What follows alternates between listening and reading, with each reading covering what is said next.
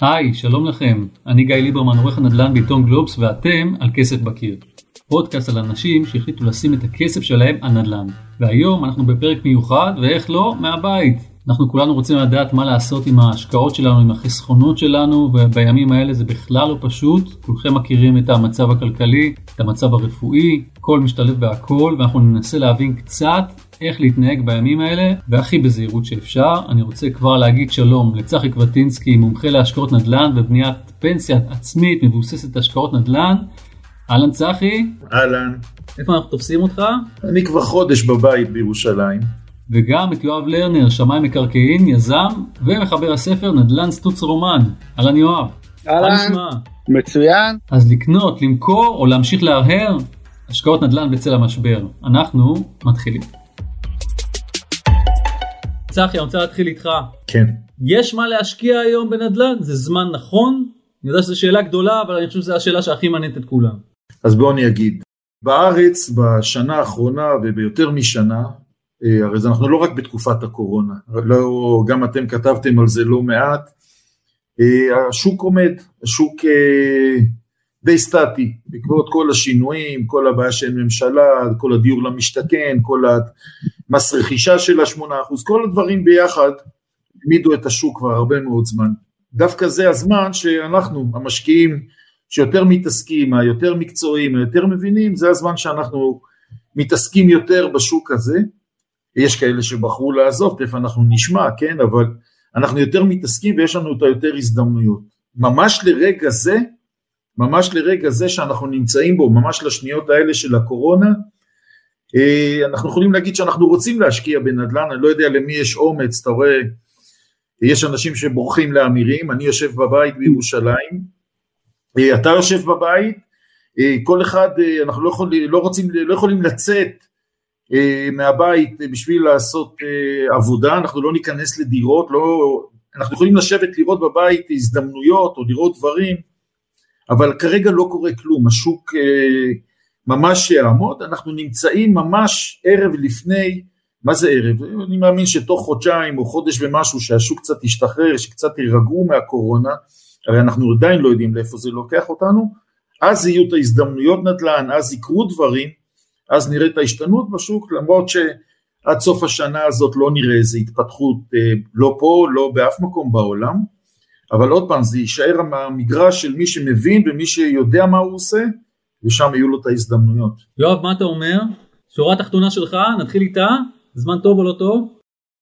Uh, המצב לא טוב מן הסתם כלומר uh, אין דרך uh, לייפות את זה uh, זה תקופה שמי שמחזיק נכסים הוא לא טוב למי? מן הסתם זה לא טוב למשקיעים המשק לא במצב טוב ולא יודעים, עוד לא, אנחנו עוד לא רואים את הסוף של הדבר הזה. אה, הוא לא טוב למשקיעי נדל"ן והוא מן הסתם גם לא טוב למשקיעים בבורסה. הוא במיוחד לא טוב לכאלה שמחזיקים נכסים, כלומר שמחזיקים כמה נכסים, ובמיוחד כאלה שממונפים על הנכסים שלהם. בגלל שהשווי יורד והמינוף, אנחנו תמיד הסתכלנו עליו בתור היתרון וגולת הכותרת של נדל"ן, שזה דבר מאוד חיובי, כי באמת שהערך עולה אז המינוף בעצם זה כמו זה על סטרואידים, זה מגדיל את הרווח שלך, אבל שהערך של הנכסים יורד זה בדיוק הפוך, כלומר המינוף בעצם גורם לך למחוק חלק גדול מאוד מההון העצמי שלך, וצריך לדעת uh, you win some you lose some, אתה יודע, לא יכולנו לצפות את המשבר הזה. ברור שזה יהיה זמן טוב להיכנס,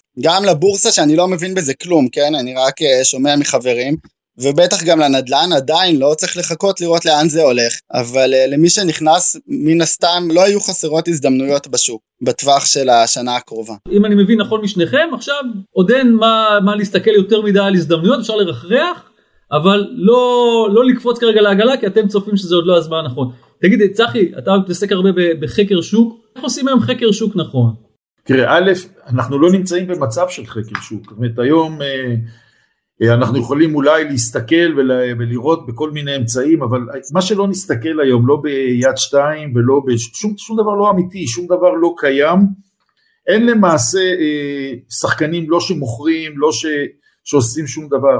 אני כאן, בניגוד למה ששמעתי קודם, אני עדיין לא מתייחס לירידת ערכים של הנכסים שלנו, אני חושב שאנחנו משקיעי הנדל"ן כרגע צריכים יותר להתמקד אה, בהישרדות, בגלל שכמו שנאמר, אה, אנחנו חווים עכשיו את אלה שלא יכולים לשלם, אנחנו אה, חווים את, הבעיות שיש, אנחנו צריכים לדעת להסתדר עם זה, זאת אומרת כל אחד צריך לעשות, והיום זה גם היום האמיתי של אלה שמינפו את עצמם יתר על המידה, שהם קצת אה, חוטפים בראש או שקנו בלי אחריות נכסים, בלי לעשות חקר שוק, אבל חקר שוק יחזור להיות כמו שהוא, ואני, אתה יודע שאני מדבר עליו הרבה, גם דיברנו עליו בפודקאסט, חקר, חקר שוק לא יוכל להיות אה, בלי, אה, בלי אה, ללמוד את השטח ובלי להכיר אותו ממש כמו שצריך, היתרון יהיה שלנו, השחקנים שיודעים את החקר שוק, שעשו את החקר שוק, ועכשיו שאנחנו נשתחרר ונוכל לחזור חזרה, לנו יהיה את הכלים היותר אמיתיים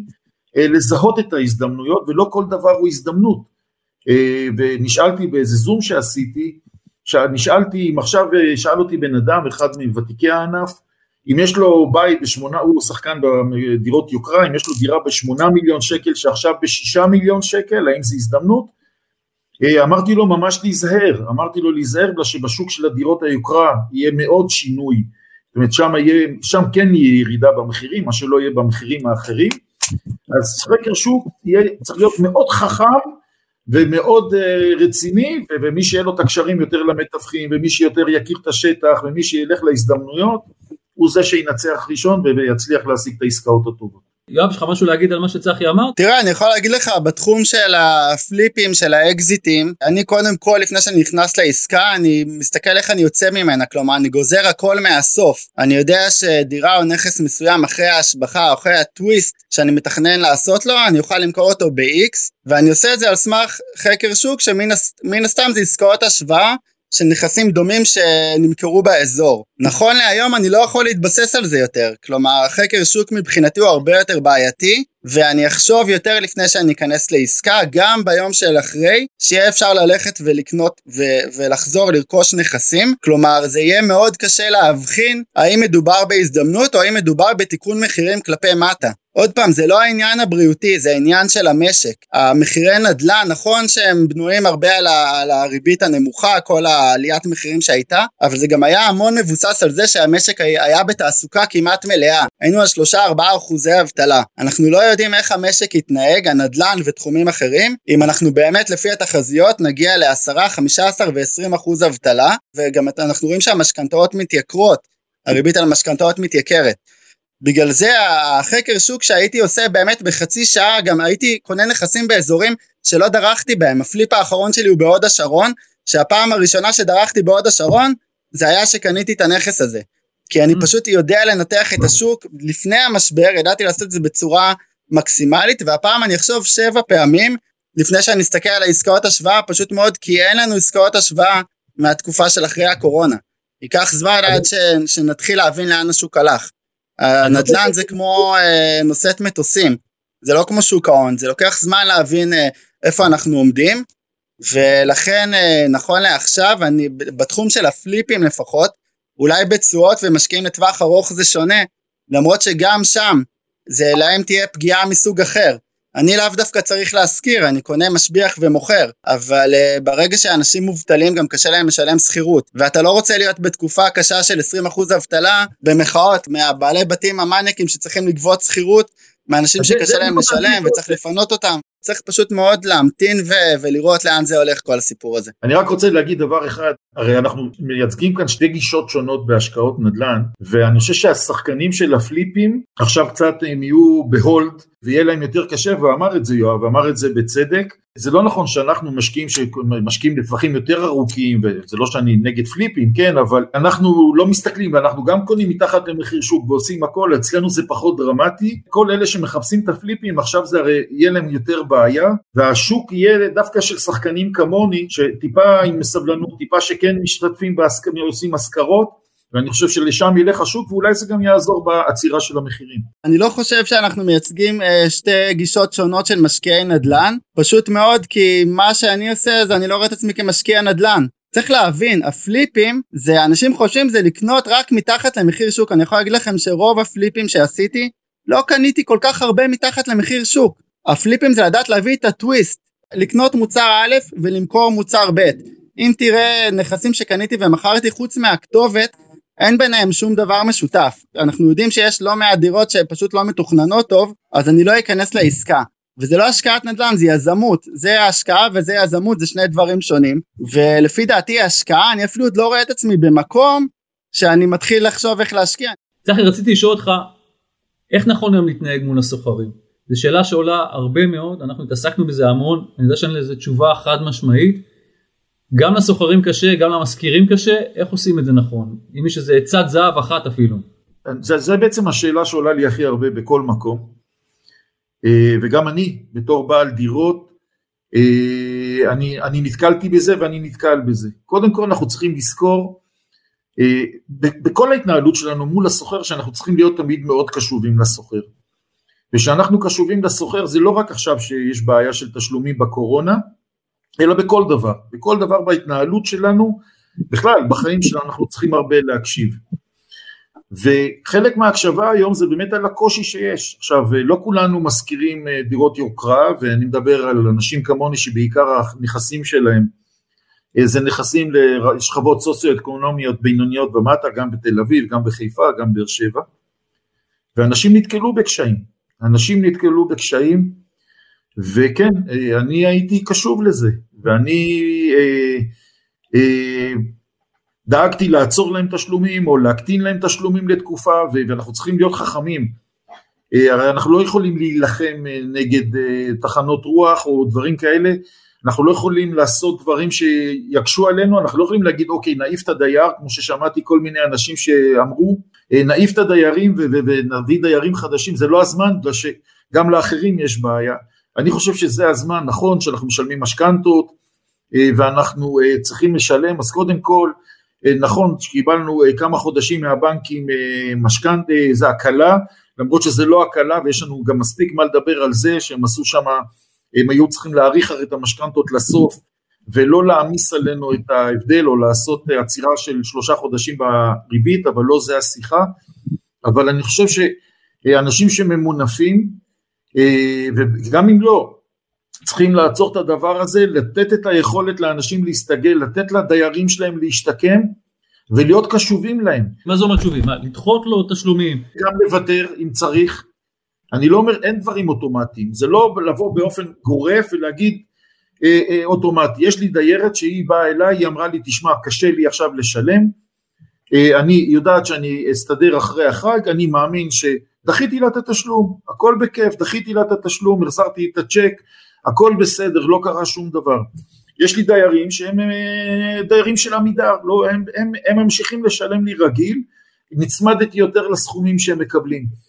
אם, עכשיו צריך לזכור, אני, אני גם הרי לא מאמין, אני לא מאמין, אה, כמו שהרבה אני שומע בשוק, את, במינופי 100% האלה וכל מה שאנשים עושים, אם אתה מתארגן על זה נכון, אם אתה מתנהל נכון, אם אתה אה, שומר גם כמה שקלים מעל הסכום שאתה מקבל, אז יצרת לעצמך, לעצמך איזה קופה, אז יש לך לשרוד את טיפת התקופה הזאת, וגם אם ויתרת קצת על כסף, אבל עוד פעם, צריך לשמוע, לשמוע מה הדייר אומר, אומר הדייר, תוותר לי על קצת מהסכום קשה לי, תלך לקראתו, בסוף אתה תשמר דייר שיישאר לך לתקופה מאוד ארוכה, ואני חושב שזו ההתנהלות שלנו שצריכה להיות. אני גם שנאתי, הרי אני הובלתי את המהלך של חוק דירה שלישית, ובתקופה הזאת כל העולם היה מתקשר אליי, ואנשים היו אומרים, אנחנו היו אומרים כל מיני מילים גסות, מה הם עשו לדיירים, אני שנאתי את זה, לא. דיירים זה אנשים שחיים אצלנו, גם הם בני אדם, הם בדיוק כמונו, תהיו קשובים להם, תעלו טיפה, אבל לא, לא צריכים, לא, אנחנו בעלי בתים, אנחנו בני אדם, וזה ככה אנחנו צריכים להתנהל. תגיד, אני רוצה לשאול אתכם, אה, יואב, אני אתחיל איתך, כן. אה, אה, דיברתם קודם על מצב, מה עושים משקיעים היום, אני רוצה לשאול אתכם, מה אני עושה עכשיו אם אני לא השקעתי עד היום בנדל"ן, אם זה עכשיו זמן להיכנס, יש לי עכשיו חצי מיליון שקל ששכובים לי באיזשהו מקום, שוק ההון, אני רואה שהוא מתנדנד, זה מפחיד אותי מאוד, אם זה כן יכול להוות קרקע, כן להיכנס לעסקת נדל"ן של איזה דירת אה, שניים שלושה חדרים באיזשהו מקום בפריפריה, או משהו קצת מעבר לזה. האם זה יכול להיות אפשרות בשבילי? תראה, אני חושב שאם מה שיש לך זה חצי מיליון שקל, אז אתה צריך לחשוב איך בטווח של חמש, שש, שבע שנים קדימה אתה הופך אותם לשני מיליון שקל. ואני לא אומר את זה בתור איזה פריבילגיה ולא מהקלישאות של לעשות כסף ובשביל לנהוג ב, בפרארי אבל אתה באמת צריך לחשוב ואני לא עוד פעם אני לא אתן לך את הפתרון, מה שאני יודע לעשות זה לקנות, להשביח דירות ולמכור אותם. יש אלף דרכים לעשות את זה, אבל בוא תחשוב אם באמת אם להשקיע את החצי מיליון בדירה בפריפריה ולקבל עליה שכירות עכשיו חמש, שש, שבע שנים, אז כמה היום ההון שלך חצי מיליון, כמה הוא יהיה בעוד שבע שנים באופציה הזאתי. מבחינתך כרגע האלטרנטיבה הזאת היא לא נכונה? זה כלי בשביל לעשות כסף, לא בשביל להשקיע כסף. הפליפים ולעשות את זה, קודם כל אני גם מאוד אוהב את זה, כן? אני אוהב את העניין שלה לתכנן מחדש, כמו שאמרתי גם בפודקאסט שלי, אני קודם כל מביא מהנדס שיסמן את העמודים, שובר את כל הקירות בבית, ורק אז אני בכלל מתחיל לתכנן. כלומר, אני לא נשען בכלל על קירות קיימים. זה משותף לשניכם, רק שתדע. שמעתי את צחי אה, שהוא מדבר נגד השקעות בחו"ל, אני מסכים איתו לחלוטין. כלומר, מי שלקנות נכס בחו"ל ולהחזיק אותו, זה נשמע לי אה, על גבול הטירוף, כלומר, זה דבר שבחיים לא הייתי עושה אותו. אני אפילו לא מזכיר שם. אני קונה, משביח וישר מוכר. בדרך כלל אלה שקונים ממני זה משקיעי תשואה. כלומר זה חבר'ה שקונים בשביל uh, להחזיק ולהשכיר. צחי רק אני רוצה את שלב השאלה הזהה גם אליך, יש לי עכשיו כסף בשוק ההון, שוק ההון מפחיד אותי, האם הנדל"ן הוא, הוא אופציה בכלל? בטח שיש על מה לדבר, אבל אם אני מתחיל עכשיו בשוק, אם אני מתחיל עכשיו בשוק, ואם אני צריך עכשיו להיכנס ועכשיו לבנות את עצמי ולעשות חקר שוק ולעשות את כל הדברים, אז אה, למעשה זה לא הזמן, ואני לא יכול לעשות חקר שוק כמו שצריך, ואני לא יכול לעשות את הדברים, ולהשקיע בנדל"ן, זה באמת, גם אפילו אם רוצים להגיע לפליפים, אה, צריך להכיר את השוק ולהכיר היטב בשביל לזהות את ההזדמנויות. אבל אין ספק, אין ספק, שלעשות, ועכשיו הזמן לעשות, זה בהחלט הזמן, ואם זה גם ללכת בגישה של יואב וגם ללכת בגישה האחרת, ואני, דרך אגב, אותי לא מפחיד להחזיק נכסים, ואני גם, אה, אני חושב שאני מומחה לא קטן להשבחה, ואפילו עשו על זה כתבות בעיתונים, על, ההשבחות ועל הבתים המתחס, המתחפשים שלי, ואני אוהב לקנות רק שבור ולהשביח. אני אבל אין לי בעיה, וזה גם מוכיח את עצמו לא, לאורך השנים, שקצת החזקתי נכסים, בגלל שאין לי בעיה גם להשכיר, והחזקתי נכסים שהשבחתי ואני קניתי אורוות, אה, שקניתי אורוות מבחינת המבנה ומהמצב שלהם, דברים שבורים הרוסים, ושהחזקתי אותם טיפה יותר זמן, הם אה, עשו הרבה יותר כסף והם שווים הרבה יותר, אבל עוד פעם, אה, אני כאן אומר שכל בן אדם, וזה גם הדרך שאני נוהג כשאני עושה ייעוצים לאנשים וגם כשאני מלמד אנשים, כל בן אדם צריך לדאוג מה מתאים לו. יש אנשים שהם כמו יואב, מתאים להם, אם הם הולכים להשכיר לאנשים נכסים, אז זה עושה להם רע בנשמה וזה לא טוב וזה בסדר גמור. מרגש אותם הקטע של השיפוצים, הקטע של ההשבחה, כמו שגם אותי מרגש. להביא את העסקה, זה הכי מרגש אותי. לא, לא, לא, בסדר גמור, גם אותי זה מרגש, אוקיי, אנחנו גם נמצאים בגילאים אחרים, קצת במצבים שונים, זה ברור לשנינו.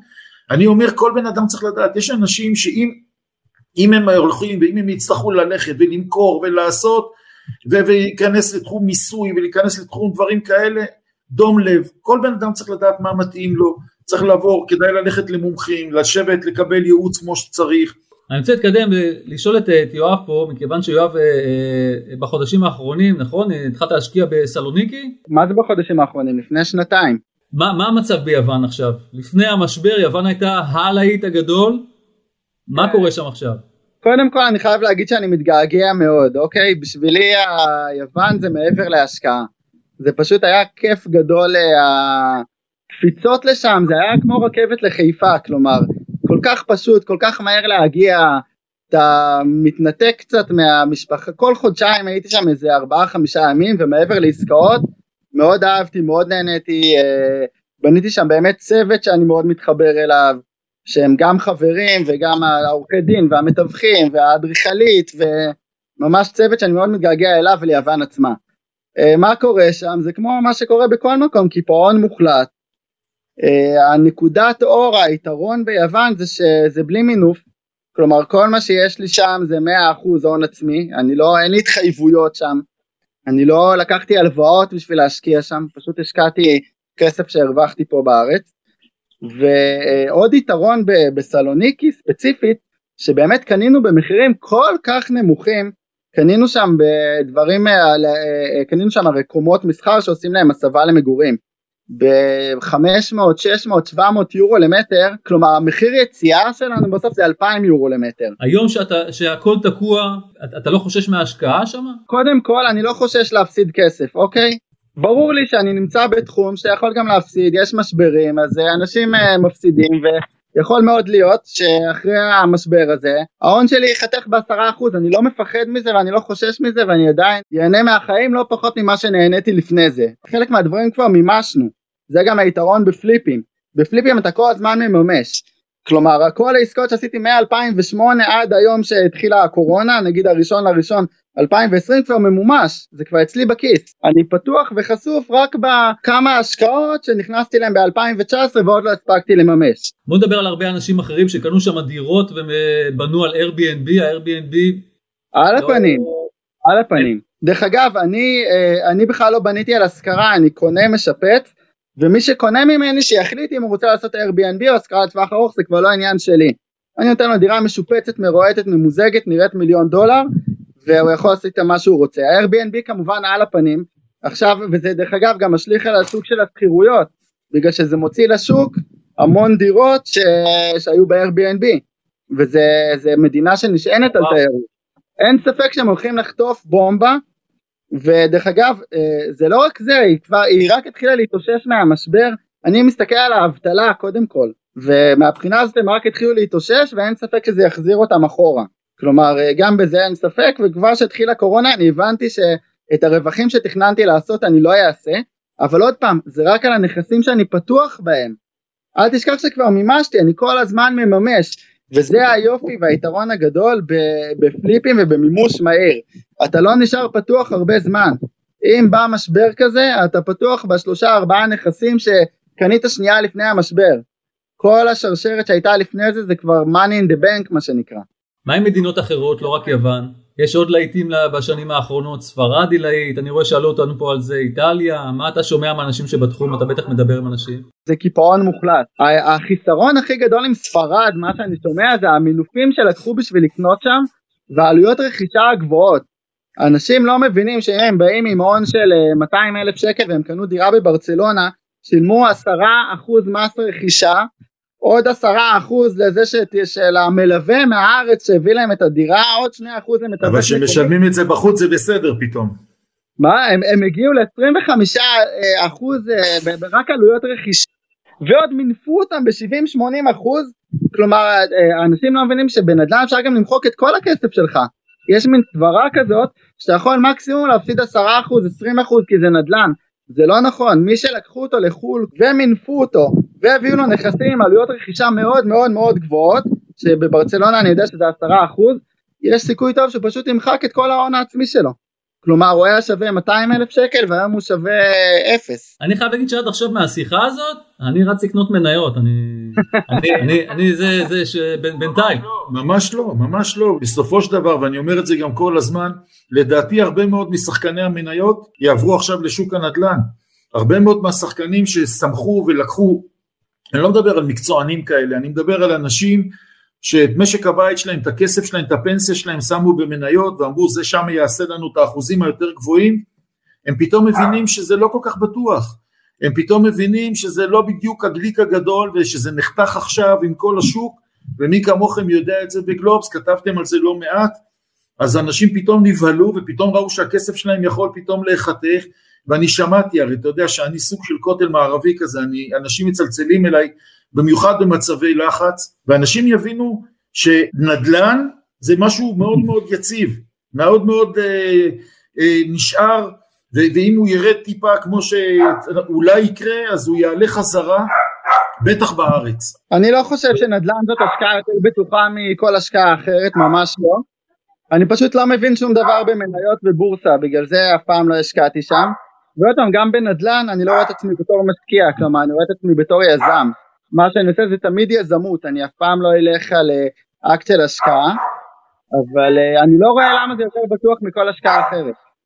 כלומר, אה, אני חושב שאם עושים באמת את ההשוואות ומסתכלים על מדדים, מגלים, באמת הייתה קפיצה מאוד גדולה בין 2008 ל-2016, אבל אם המחירים יישארו כמו שהם ולא ירדו משמעותית, אני לא בטוח שזה זמן מאוד טוב להיכנס בתור המשקיע הפסיבי שקונה דירה להשקעה בשביל לראות שכירות וחשוב גם לזכור שזה לא פסיבי כל אלה שקונים דירה להשקעה חבר'ה זה לא פסיבי אתם רואים טלפון של דייר שלכם על הצד של המסך זה יכול להרוס לכם את כל הערב ואני יודע את זה רק מהשלב שלפני שאני מוכר לפעמים אני גם מזכיר אני יכול להגיד לכם איך זה דפק לי כל המצב רוח לערב רק לראות שיחה מהדייר שלי על כל מיני דברים שלא בא לי להתעסק בהם.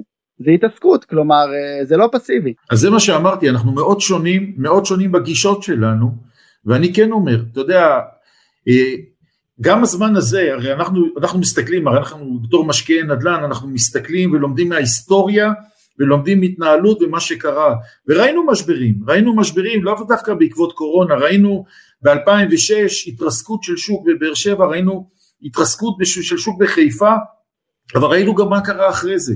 אם אנחנו מבינים מה קורה בסך הכל בארץ, וחלק מהעניין, אנחנו לא נכנסנו לזה ולא דיברנו על זה פה, אבל כל המצב בארץ הוא מצב של חוסר דירות.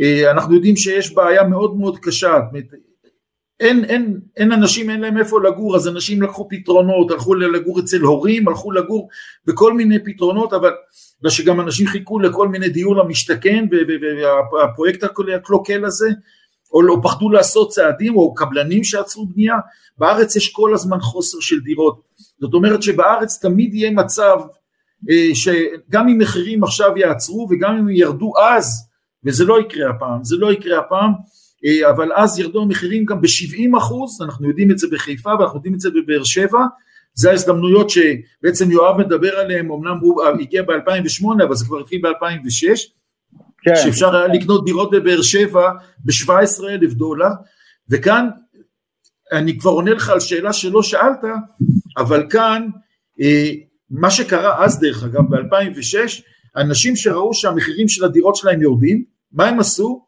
הלכו ושחררו את זה, החזירו את זה לבנקים, אנשים נכנסו להיסטריות, שחררו את זה, ראינו דירות בכונסי נכסים, ומה, כאוס מוחלט, כאוס מוחלט, ואז התחילו להגיע האוטובוסים של המשקיעים. כאן אני מזהיר את כולם, אני באמת, ואני אומר את זה בכל הזדמנות, אני אומר לכולם, נכון שחלק מאיתנו לא יהיה לנו ברירה ואנחנו ניכנס לאיזה חוסר תזרים ונצטרך לשלם בגלל שגם בעסקים שלנו או שלקחנו, אתה יודע מה, אמרנו קודם שזה יהיה הזמן האמיתי של אלה שלקחו מינופי יתר ופתאום לא ידעו לשלם את זה, שלא, שהם מונפים מעבר למה שנכנס להם אה, או שבעסקים שלהם שיש איזה או שבאמת נכנסו פיטרו אותם, אנחנו יודעים שמהמיליון שפיטרו חלק גדול לא יחזור, אז יהיו אנשים שינקרו אחרים שלא יעיזו למכור, שכל אחד יישב ויקח אוויר, ימצא פתרון איך הוא מממן את זה. אהבתי באחד הפוסטים שכתבת לאחרונה, נתת עצה כזאת בדיוק בכיוון הזה, אתם אל תהיו האלה שאומרים ש... שהם מכרו, שהם הפראיירים. אני אומר, גם צריכים לזכור דבר אחד, הבנקים, וכולנו יודעים את זה, הבנקים יש משהו שהם לא אוהבים, הם לא אוהבים להתקוטט איתנו על המצב של התשלומים. שזה גם הבנקים היו הראשונים שעצרו את התשלומים, לא משנה, עוד פעם, אמרנו שלא מסכימים על הדרך, אבל הם עצרו, עוד פעם, שהם ידעו שאנשים לא יעמדו בתשלומים, והם לא רוצים לריב איתנו, ואנחנו יודעים שעכשיו הרבה אנשים ילכו וימחזרו את המשכנתות, בייחוד אלה שלקחו לטווחים קצרים, ימחזרו וירגיעו ויסדרו את הכל, אני אומר, לכו קחו אוויר, לכו תבקשו, בנק לאומי בכלל הלך ו...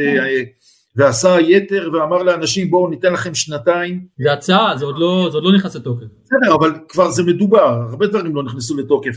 גם הכסף שלי כשכיר בעל שליטה לא נכנס לתוקף. אנחנו יודעים שהרבה זה דיבורים, אבל אני אומר, אה, אה, אם אני רוצה להעביר מסר, שהוא יהיה המסר של הדבר, של השיחה הזאת שאנחנו עושים, אל תעשו מהר, אל, אל תלחצו. אני גם עברתי משבר, עברתי משבר אישי. לפני 15 שנה הלכתי ומכרתי שתיים מהדירות שלי. אני מתחרט על זה, אני לא מתחרט בגלל ש... אז לאותו רגע זו הייתה החשיבה שלי, אבל אני אומר הנה, אני פעלתי אז מלחץ, אני נפלתי בעסק מתחום אחר, פעלתי מלחץ, מכרתי, אולי בדיעבד היום לא הייתי עושה את זה, אז אני אומר מהניסיון שלי, מהחוסר שערות שלי, אנשים קחו אוויר, תעקבו, תרצו, תלכו למומחים, תבואו אליי, תבואו לאחרים, תבדקו איפה המצב שלכם, תלכו לבנקים, תלכו ליועצי משכנתאות, תעשו בדיקה מה אתם יכולים לעשות, תעשו רוגע ותפעלו מתוך מחשבה ולא מתוך אילוץ, ואז אתם תפעלו הרבה יותר נכון. יואב, מילה אחרונה שלך? שחשוב מאוד לדעת לשחרר גם, ואם האלטרנטיבה מלמכור נכס זה להתמנף עוד ולקחת עוד הלוואות, ושזה יבוא על חשבון היום יום שלכם והחיי משפחה, חוגים לילדים או מה שזה לא יהיה, אז תמכרו, וגם אם זה במחיר הפסד, צריך כמו בכל דבר בחיים לדעת גם להפסיד. אה, ואני רואה באמת הרבה אנשים שמבחינתם אה, ימכרו כליה לפני שהם ימכרו נכס וזה טעות אל תשכחו שהשקעות ויזמות זה בא במטרה לשפר את החיים שלנו. אנחנו, אנחנו משקיעים ויזמים בשביל לחיות. אנחנו לא חיים בשביל להשקיע ואם צריך למכור אז תמכרו ואם קניתם ב-500 אלף אתם יכולים למכור עכשיו ב-400 אלף אוקיי? אבל, אבל האלטרנטיבה שלכם זה לקחת עוד הלוואה מסחרית ולא יודע מה למכור את הרכב ושזה בא על חשבון היום יום שלכם אז תמכרו לא יקרה שום דבר השמש תזרח עוד פעם ואתם תמשיכו לעשות עסקים ויזמות והשקעות גם אחרי זה. צחי אני רוצה שאני רואה שאתה, שאתה חם להגיד איזה מילה יאללה. אני אומר עוד פעם אני לא אמרתי לקחת עוד הלוואות אני אמרתי לסדר את מה שקיים אה, אמרתי אה, צריך לעשות את זה חכם לא ללכת גורף כמו שיואב אומר יואב אה, הוא איש עסקים יואב הוא, הוא לא המשקיע, אנחנו צריכים לזכור שרוב האנשים שאנחנו מדברים עליהם, גם כאן וגם בכל הנושא של השקעות נדל"ן, זה משק הבית, זה משק הבית שקנה אה, נכסים לפנסיה, וזה לא כולם אנשי עסקים כמו יואב, יואב הוא מזן אחר, אמרתי לו, הגישה שלו שונה, שנינו אוהבים להרוויח, שנינו אוהבים שהנכס שלנו שווה יותר, אבל אנחנו מורגש בשיחה שלנו שכל אחד מסתכל על הדברים בדרך אחרת. אני לא אומר ללכת עכשיו ולקחת עוד הלוואות של מיליונים, אני לא אומר להעמיס דברים, להפך, אני אמרתי קודם שאני נגד המינוף המיותר. אה, אני אומר לעשות את זה חכם, זאת אומרת לא ללכת אה, גורף, אני מקבל את מה שיואב אומר, אם זה משהו, אה, וזה אני מקבל בצורה מוחלטת, אם זה משהו שהולך להפיל אותי, תמכור, תמכור, כת זה לא עושה מה שאומרים, ואל תעמיס על עצמך משהו שלא תעמוד בו, בשביל זה אני אומר, תעשו את זה בחשיבה, זה כל מה שאני אומר. ומה שיואב אומר זה הנה יש לכם עוד אופציה אבל תיקחו אותה בחשבון כן? איש עסקים לפעמים מפסיד ומי שקונה נכסים שהוא לא איש עסקים הוא קצת מתבטל. גם אם הוא השכיר מספר אחד בעולם ברגע שהוא קנה נכס להשקעה הוא איש עסקים לא יעזור לו כלום. הוא איש עסקים קטן. הוא איש, זה לא משנה אם הדירה היא 60 מיליון או 20 מיליון הוא איש עסקים שלא מתעסק כל היום בעסקים. חשוב נכון והדבר היחידי במה שאומר יואב ואני מקבל במאה אחוז אם המחיר זה למכור היום בהפסד ולא להכניס את עצמך לעוד הסתבכות שלא תצא ממנה, אני נגד המינופי יתר, זה כמו אלה ש, שכל הזמן לוקחים הלוואות בשביל להחזיר הלוואות, אני נגד ובזה אני מקבל את מה שהוא אומר, אבל עוד פעם אני אומר הרבה חשיבה, קודם מעשה בהמון מחשבה תחילה ולא לפ, לא לפחד לקחת יועצים ולקחת יועצי אמת, לא כאלה שבאים לפ, לפברק לך דברים ולעשות את הדברים חכם וזה המסר שלי. עד כאן עוד פרק של כסף בקיר. מוזמנות ומוזמנים לעקוב אחרינו באתר גלובס, בספוטיפיי ובכל אפליקציית פודקאסטים שאתם מחבבים. ונשמח אם תדרגו אותנו גבוה באפל פודקאסט וגם אתם יכולים לשלוח את הפרק בוואטסאפ לחבר שעוד לא שמע עלינו. בימים טרופים אלו אנחנו משתדלים לדאוג לכם קצת לנחת עם פרקים חדשים שאנחנו מקליטים מהבית. כדי להעביר את הזמן בבידוד, אתם מוזמנים להצטרף לקבוצת הפייסבוק שלנו מבודדים ביחד. תוכלו לספר שם מה אתם חושבים על הפרק הזה וגם על פרקים אחרים. ואם אתם רוצים לשמוע עוד קצת מיואב, חפשו את הפרק שלנו, פרק 12, זה הפרק עם יואב לרנר, מספר על הפליפים שלו, ואם אתם רוצים לשמוע על צחי, זה פרק פתיחת העונה השנייה שלנו, פרק 19, השקעות נדל"ן רק בישראל. כי תכלס, מה יש כבר לעשות בבידוד חוץ מלשמוע פודקאסטים?